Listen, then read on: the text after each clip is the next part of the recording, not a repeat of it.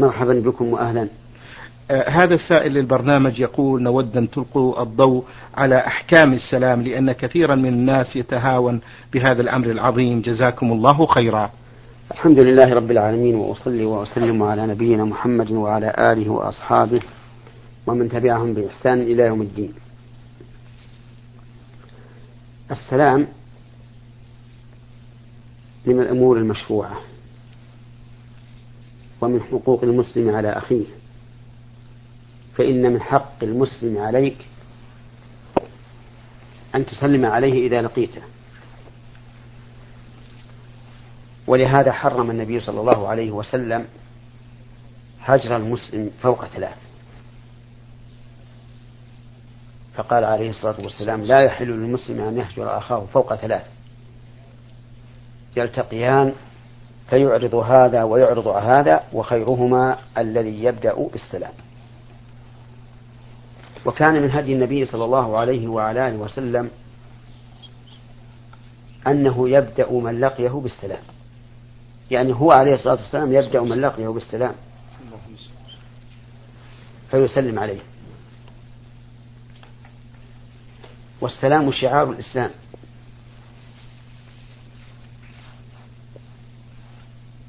وموجب للمحبة وكمال الإيمان.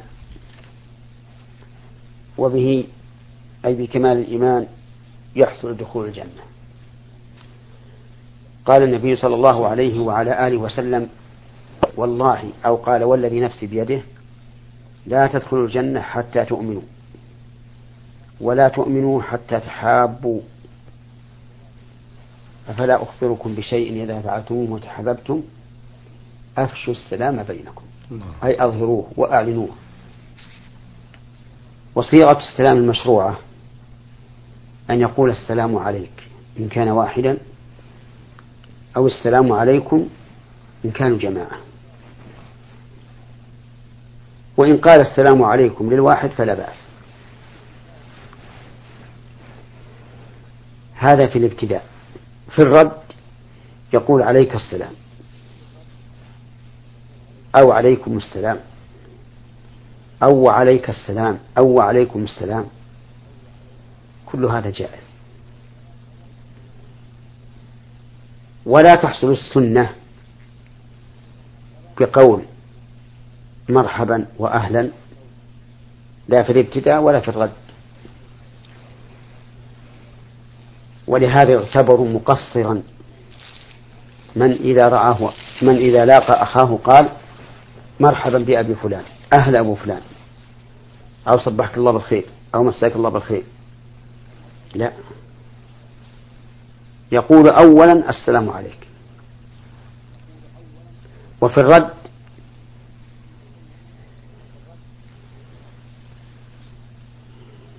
يقول بعض الناس أهلا أو مرحبا أو حياك الله وما أشبه ذلك.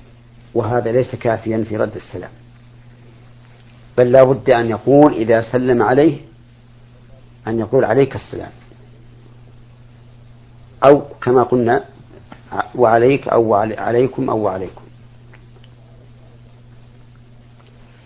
لو قال في رد السلام أهلا وسهلا ألف مرة ما أجزأ. ولا أدى الواجب عليه. قال العلماء رحمهم الله ابتداء السلام سنة. ورده واجب. كقول الله تعالى وإذا حييتم بتحية فحيوا بأحسن منها أو ردوها. فأمر الله تعالى أولا بالأحسن فإن لم يكن فبردها بمثلها. والحسن في الرد يكون بالصيغة ويكون بالصوت ويكون بالوجه. فمثلا إذا قال السلام عليك ورحمة الله فالأحسن أن تقول عليك السلام ورحمة الله وبركاته. أو عليك السلام ورحمة الله حياك الله. أو عليك السلام ورحمة الله أهلا وسهلا. هذا في الصيغة. في الصوت إذا قال السلام عليك بصوت واضح جهرا فالرد عليه بأن يكون ردك أوضح من سلامه وأبين أو على الأقل مثل يكون مثله. أما أن يسلم عليك بصوت مسموع بين واضح ثم ترد عليه بأنفك أو بصوت قد يسمعه وقد لا يسمعه فإنك لم تأتي بالواجب. لأن الله قال بأح... لأن الله قال بأحسن منها أو ردوها. كذلك في البشاشة. إذا سلم عليك بوجه بشوش منطلق ما ترد عليه بوجه عبوس مكفهر. لأنك ما حييته بمثل ما حياك به ولا بأحسن.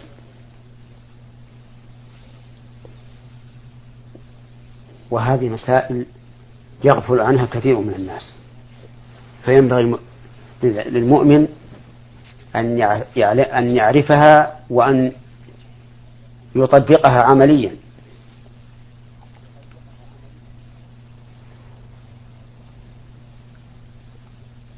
وأقبح من ذلك وأقبح ما يفعله بعض السفهاء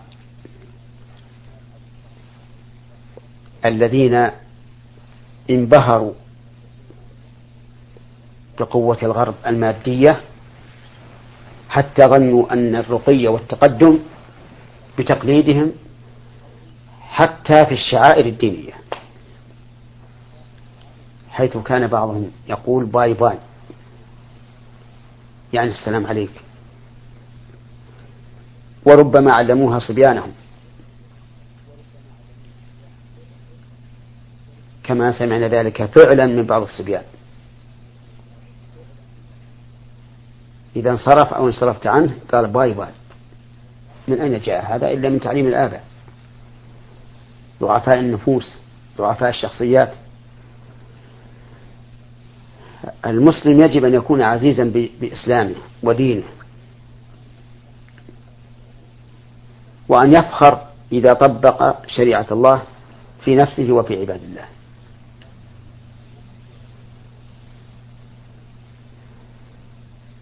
ثم أعلم أن المشروع أن يسلم الصغير على الكبير والقليل على الكثير والراكب على الماشي والماشي على القاعد. فإن حصل تطبيق هذه السنة فهو الأفضل وإلا فليسلم الكبير على الصغير. ولا يضره إلا إلا عزا ورفعة.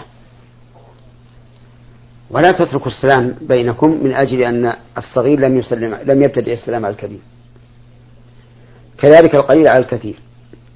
ربما تكون مع جماعة مع, مع جماعة ويلاقيكم واحد ويكاد يتجاوز وهو, وهو, وهو, وهو لم يسلم. سلموا أنتم.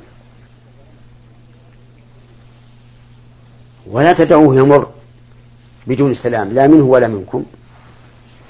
فيذهب عنكم شعار الإسلام الذي به المودة والمحبة.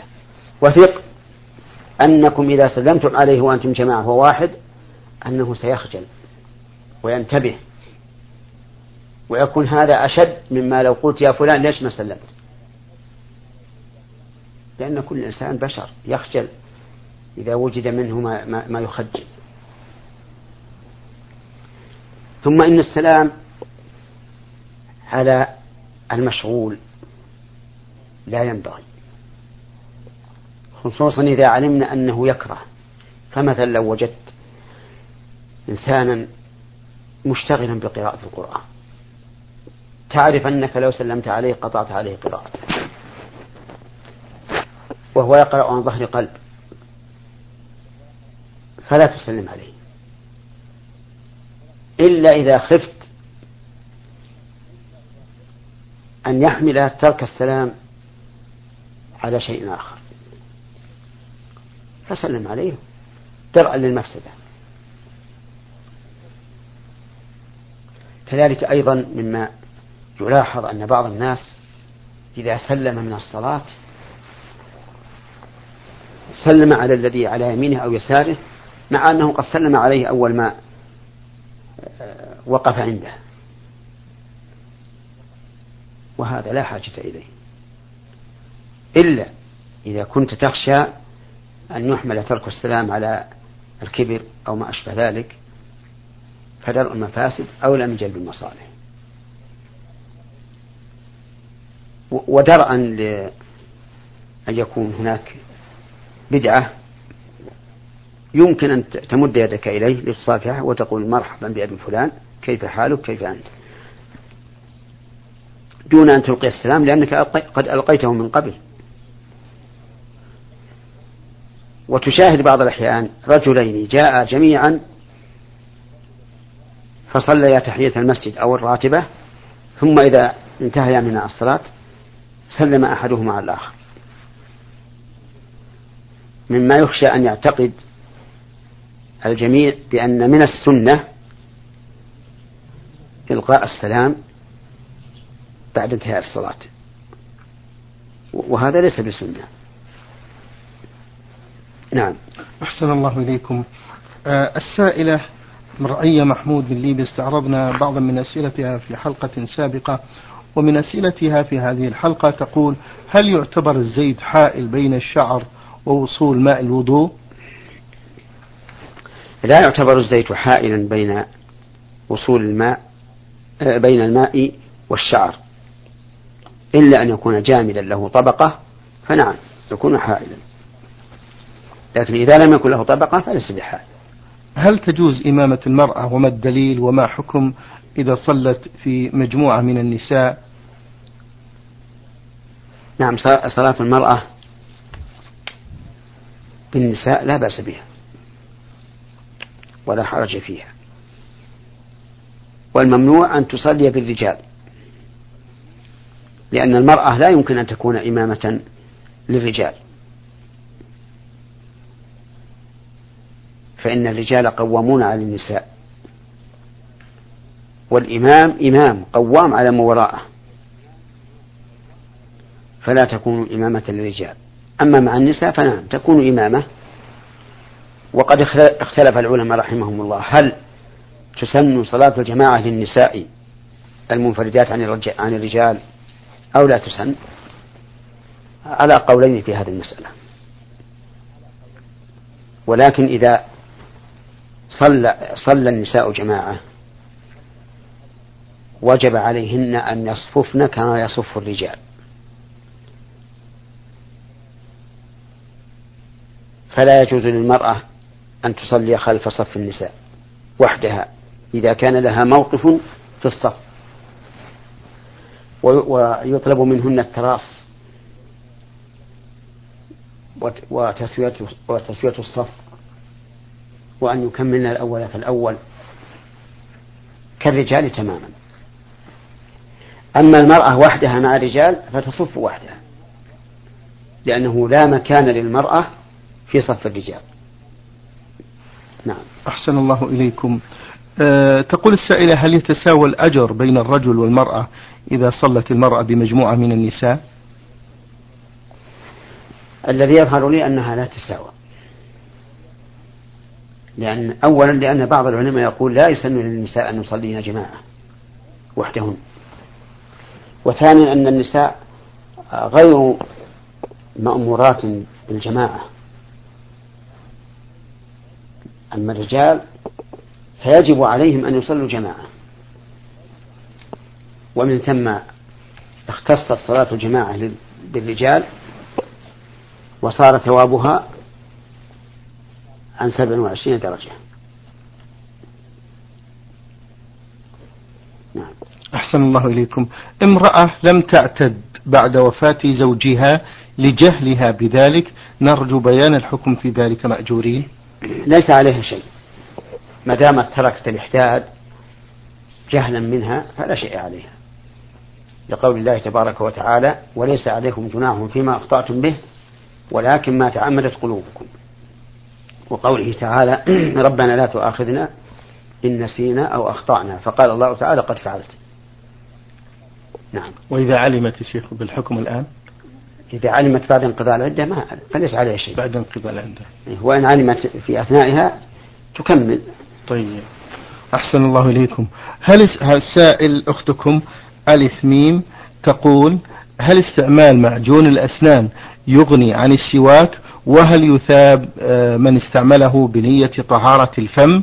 أي هل يعادل السواك في الأجر الذي رغب فيه الرسول صلى الله عليه وسلم لمن يستاك؟ نعم. آه، استعمال الفرشة والمعجون يغني عن السواك نعم. بل هو أشد منه تنظيفا وتطهيرا. فإذا فعله الإنسان حصلت به السنة لأنه ليس العبرة بالأداة العبرة بالفعل والنتيجة. والفرشة والمعجون يحصل بها نتيجة أكبر من السواك المجرد. لكن هل نقول إنه ينبغي استعمال المعجون والفرشة كلما استحب استعمال السواك أو نقول إن هذا من باب الإسراف والتعمق ولعله يؤثر على الفم برائحة أو جرح أو ما أشبه ذلك. هذا ينظر فيها. نعم. السائلة حفظكم الله تقول كثيرا ما أنوي أن أقوم الليل وأستعد لذلك وأقرأ الأوراد قبل أن أنام.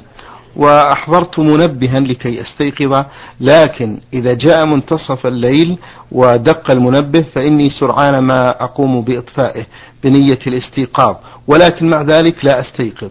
وهذا يحصل كثيرا لي وأدعو الله دائما أن يجعلني آه، من المجتهدين في العبادة. لكنني لم أصل إلى هذه المنزلة. هل هذا بسبب ذنوبي؟ أرجو أن توجهوني على الطريق المستقيم. مأجورين لا شك أن الإنسان إذا حرم الخير فإن لذلك أسبابا.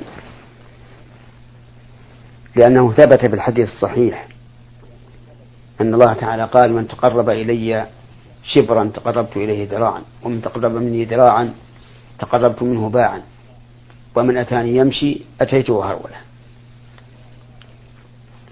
فالعوائق عن فعل الطاعة كثيرة ولعل من أسبابها المعاصي.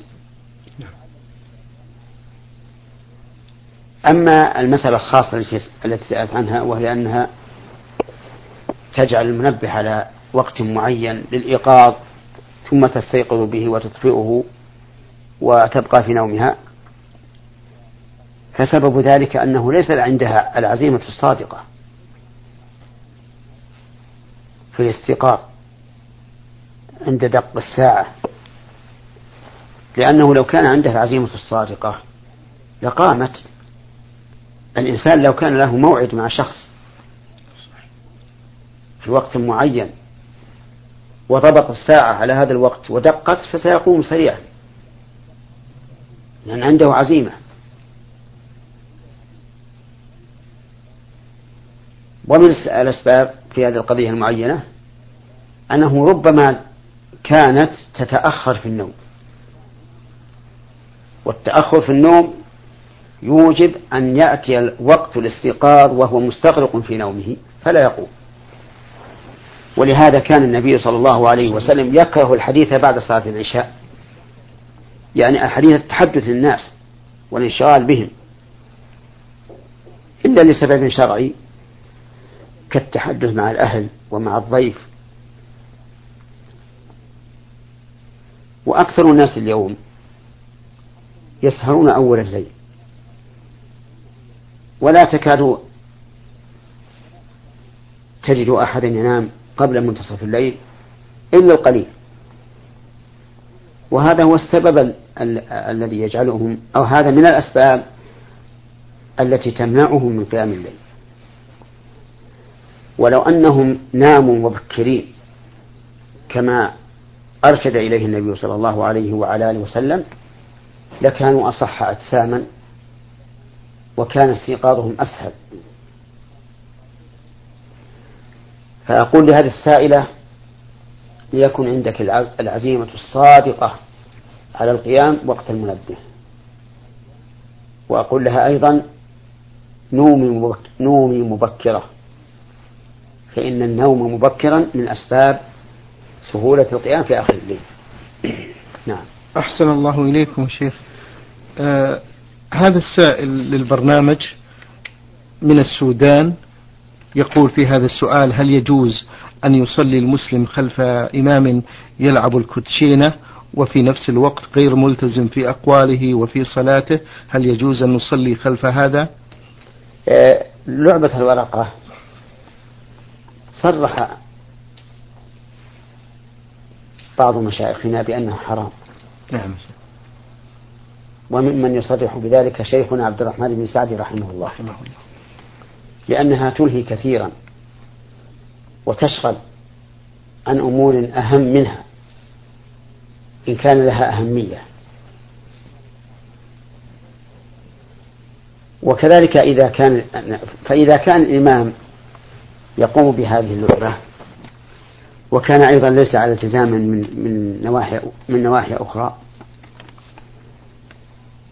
فإن كان هو الإمام الراتب فلا بد من الصلاة معه. وإن كان ليس إماما راتبا فلا ينبغي أن يقدم ليكون إماما للناس في الصلاة. بل ينظر إلى من هو أتقى لله منه. إذا كان هذا الأتقى يجيد القراءة الواجبة في الصلاة. آه، نصيحتي لكم أن تناصحوا هذا الإمام قبل كل شيء. وتبينوا له أنه لا ينبغي لمن كان إماما للمصلين أن يتنزل بنفسه إلى هذه الأمور. فإن استقام فهذا المطلوب وهو خير لكم وله. وإن لم يستقم فالمرجع إلى الجهات المسؤولة في هذا. فإما أن يعدل وإما أن يبدل. وإذا لم يحصل تعديل ولا تبديل فصلوا خلفه.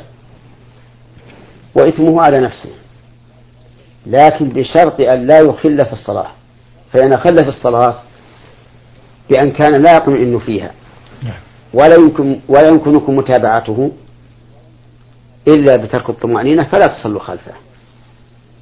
لأن هذا يؤثر على صلاتكم على صلاتكم فعلا. فإنكم إما أن تتابعوه بلا طمأنينة وإما أن تطمئنوا فلا تتمكنوا من متابعته وكلا الاحتمالين حرام. فعليكم إذا كان لا يمكنكم أن تطمئنوا معه لكونه يسرع في الركوع أو السجود أو القيام منهما فدعوه وصلوا في مكان آخر. أحسن الله إليكم. إبراهيم آه، أبو حامد له مجموعة من الأسئلة من الرياض. يقول فضيلة الشيخ هل للمعاصي آثار على الفرد والمجتمع وما هي مأجورين؟ نعم. المعاصي لها آثار. على الفرد والمجتمع. أما آثارها على الفرد فإنها ضعف الهمة في فعل الطاعات. لأن المعاصي يجر بعضها بعضا والمعاصي تقسي القلب وتضعف همة الإنسان في طلب الخير. قال الله تعالى فلما زاغوا أزاغ الله قلوبهم والله لا يهدي القوم الفاسقين. المعاصي أيضا لها أضرار على المجتمع. لقول الله تعالى واتقوا فتنة لا تصيبن الذين ظلموا منكم خاصة واعلموا أن الله شديد العقاب. ولقول الله تبارك وتعالى ولو أن أهل القرى آمنوا واتقوا لفتحنا عليهم بركات من السماء والأرض ولكن كذبوا فأخذناهم بما كانوا يكسبون. أفأمن أهل القرى يأتيهم بأسنا بياتا وهم نائمون؟ أو أمن أهل القرى يأتيهم بأسنا ضحى وهم يلعبون؟ أفأمنوا مكر الله؟ فلا يأمن مكر الله إلا القوم الخاسرون. فالعقوبات تعم.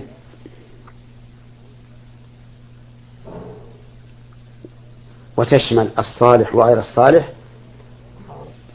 ويوم القيامة يبعثون على نياتهم. كما أن المعصية تفسد المجتمع فيكون عاصيا. لأن الناس إذا رأوا هذا يعمل معصية. سهل عليهم أن أن أن أن, أن يفعلوها.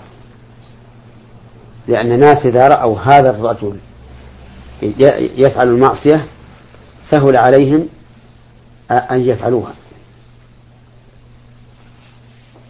فتنتشر المعاصي من شخص إلى شخص حتى تعم المجتمع كله. ولهذا وجب على الناس أن يأمروا بالمعروف وينهوا عن المنكر لإصلاح الأحوال وإزالة أسباب الشر والفساد.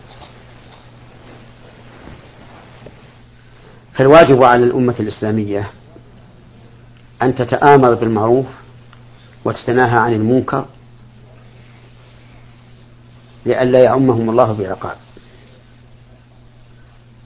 قال الله تبارك وتعالى ولتكن منكم أمة يدعون إلى الخير ويأمرون بالمعروف وينهون عن المنكر وأولئك هم المفلحون. ولا تكونوا كالذين تفرقوا واختلفوا من بعد ما جاءهم البينات وأولئك لهم عذاب عظيم.